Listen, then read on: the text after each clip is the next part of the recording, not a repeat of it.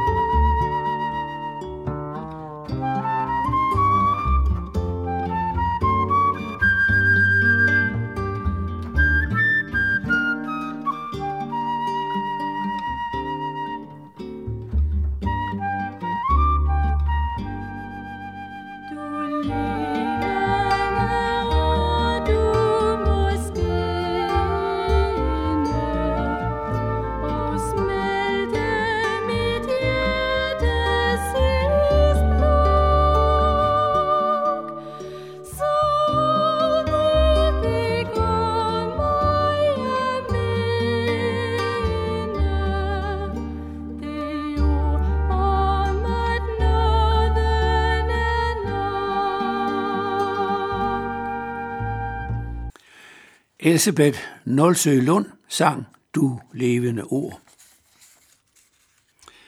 Og jeg fortsætter med 1. Peters brev. Det brev, som er skrevet af Silvanus, man skrev efter samtale med Peter. Og brevet er adresseret til fra jeres udvalgte søster i Babylon og fra min søn Markus. Babylon var jo dæknavnet for Rom, så brevet er fra menigheden i Rom, og Markus er evangelisten Markus. Han var jo opvokset i Jerusalem, i det hjem, der blev samlingssted for menigheden. Det var til det hjem, Peter flygtede den nat, da han af en engel var blevet befriet fra fængslet, som vi kan læse om det i Apostlenes Gerninger, kapitel 12. Og Peter har formentlig døbt Markus, og derfor kalder han ham sin søn.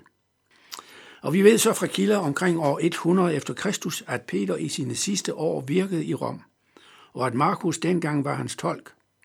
Og her skrev Markus sit evangelium, hvor i han trofast har gengivet, hvad Peter lærte ham.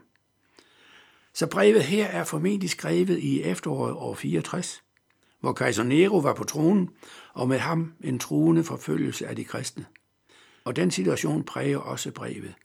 To motiver kommer igen og igen i brevet, nemlig den uundgåelige forfølgelse af de kristne på grund af deres tro, og tankerne om et nyt og helligt liv, som den kristne er kaldet til gennem evangeliet og indvidet til i sin dåb. Som normalt for breve skrevet i antikken startes jo med underskriverens navn og derefter den indledende hilsen. Og den lyder i brevet sådan. Fra Peter, Jesu Kristi apostel, til de udvalgte, der bor spredt som fremmede blandt andre folkeslag i Pontus, Galatien, Kappadokien, provinsen Asien og Bithynien – og som efter Gud Faders forudvindede ved åndens helligelse er udvalgt til at vise lydighed og blive bestænket med Jesu Kristi blod. Noget og fred være med jer i stadig rigere mål. Og herefter begynder så brevet med en fanfare af jubel og glæde. Lovet være Gud, som har genfødt os ved Jesu opstandelse fra de døde. Og man sporer jo her, at Peter, ham fornægteren fra fængselsgården, som jeg omtalte i går, at han virkelig var blevet et nyt menneske ved Jesu opstandelse. For den havde jo alt som beskrevet øh, været spildt og håbløst for, Peter, for Peter. Selve korsfæstelsen, det havde, der lå hans tilværelse i ruinum, da Jesus hang på korset og bare døde der. Ham, som hans disciple stolede på, han hang jo bare der hjælpeløst og uden at have gjort modstand. Så alle Jesu lærer, alle underne var nu uden betydning for disciplene. Ja, Jesus var formentlig slet ikke fra Gud. Løgn og latin det hele. Ja, Jesus blev virkelig fornedret den påske i Jerusalem, men jo dermed også Peter og de ti andre disciple, fordi han og disciplen havde stolet på Jesus, og han hang nu der på korset til skue for hele byen, så alle nu kunne se, at han var jo ikke noget. Specielt i Markus 5 er det beskrevet. Jeg læser et par vers fra kapitel 15 der. Soldaterne førte nu Jesus ind i gården, det vil sige stadholderens borg, og sammenkaldte hele vagtstyrken.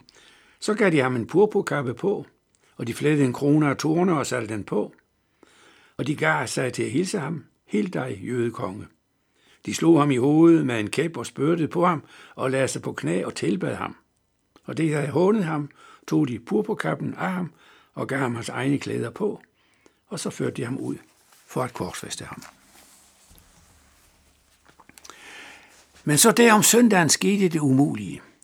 Jesus stod lyslevende ud af sin grav, og alt var dermed på plads igen. Jesus havde på ingen måde svigtet. Tværtimod, han var fra Gud.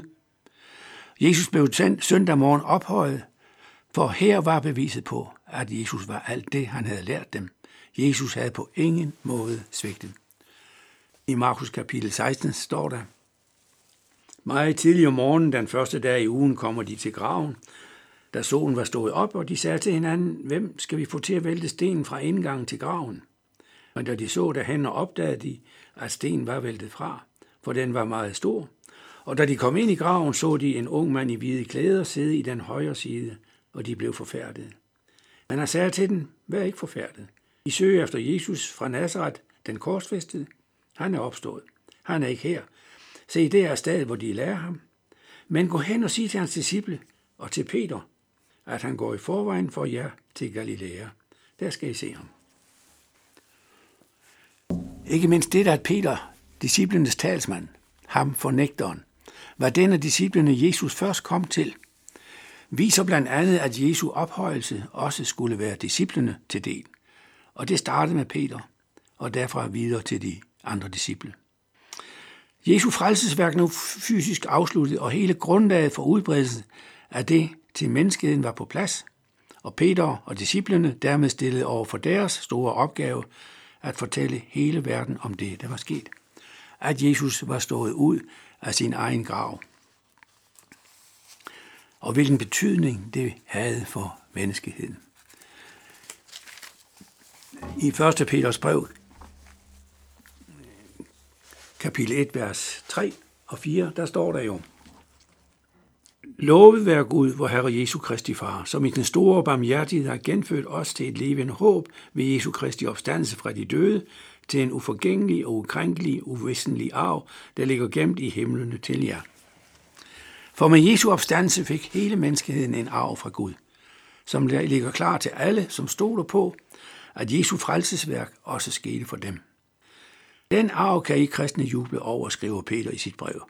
Godt nok må I til tider lide under forskellige prøvelser i form af forfølgelser, men selv dem kan I glæde jer over, for det er med til at vise ægtheden i jeres tro, jeres tillid til Jesus. Den tro viser disciplinen i dag ved, at ham, Jesus elsker, I uden at have set ham. Ham tror I på nu, uden at have set ham. Med disse ord uden at have set ham, der sporer vi en lille snært af Peters anger over sit svigt i fængselsgården. Han, der havde lovet at give sit liv for Jesus, han svigtede jo det løfte, da det blev alvor. Peter troede, stolede ikke på Jesu gerning, da han, Peter, ikke mere kunne se Jesus. ikke kunne se ham som sin herre. Ja, Peter havde dengang han ikke vidste, hvem Jesus var, at han ikke havde noget med ham at gøre. En, blag, en blank afvisning af alt det, Jesus havde lært dem, og at det han var. Så kun rimeligt, at Jesus efter dette havde opgivet Peter. Men jubel. Peter blev taget til noget, og Peter indså nu, hvilket privilegium det var at have set Jesus både før og efter hans opstandelse. Derfor glæder han sig over de mange tusinde kristne, som elsker Jesus uden at have set ham. Og det kan de med god grund gøre, for en dag skal de se Jesus, som han er, nemlig når de kommer frem til troens mål, frelsen, skriver Peter senere. Frelsen er nemlig en ufattelig stor gave, og tænk, menneskehedens frelse har Gud haft i beredskab fra begyndelsen, ja helt fra skabelsen. Ja, Gud vidste allerede dengang, før han satte skabelsen i værk, at mennesket, Guds ypperste skabning, ville svigte ham. Kassere ham som Gud, for mennesket vil hellere blive deres egen Gud. Det, som jo skete i og med søndefaldet. Men Jesu frelsesværk, det der skulle bringe forholdet mellem menneske og Gud i orden igen, efter menneskets svigt, var allerede da det skete i Guds tanker. Det havde ligget som en hemmelighed hos Gud. Ja, ikke engang englene vidste om det. Kun profeterne fik en dunkel anelse om, hvad der skulle komme. Og jeg ofte skulle de ikke selv forstå indholdet af deres profeti. Men de vidste, at de talte om noget i kommende slægtsled. Og nu er det så sket, skriver Peter. Jesus er kommet og er genført til store frelsesværk. Som Paulus omtaler det i Efeserbrevet kapitel 3. Jeg, den ringeste af alle de hellige, fik den nåde at oplyse alle om, hvad frelsens plan er med den hemmelighed, som fra evighed er lå skjult i Gud. Og så fortsætter Paulus. Når I læser det, kan I se, at jeg har fået indsigt i Kristus hemmeligheden. I tidligere slægtled blev det ikke gjort kendt for, fra, for menneskernes børn, sådan som der nu er blevet åbenbaret for hans hellige apostle og profeterne ved ånden, at hedningerne er medarvinger og medindlemmede i lægemet og har medandel i forjættelsen i Kristus Jesus. Og et par vers senere, der skriver han, I ham og ved troen på ham har vi frimodighed og tillidsfuld adgang til Gud. Vi fortsætter med 1. Peters brev i morgen, men øh, nu skal vi høre frikirkeligt lovsangskor Mars, der synger Stiftet Guds søn har et rige.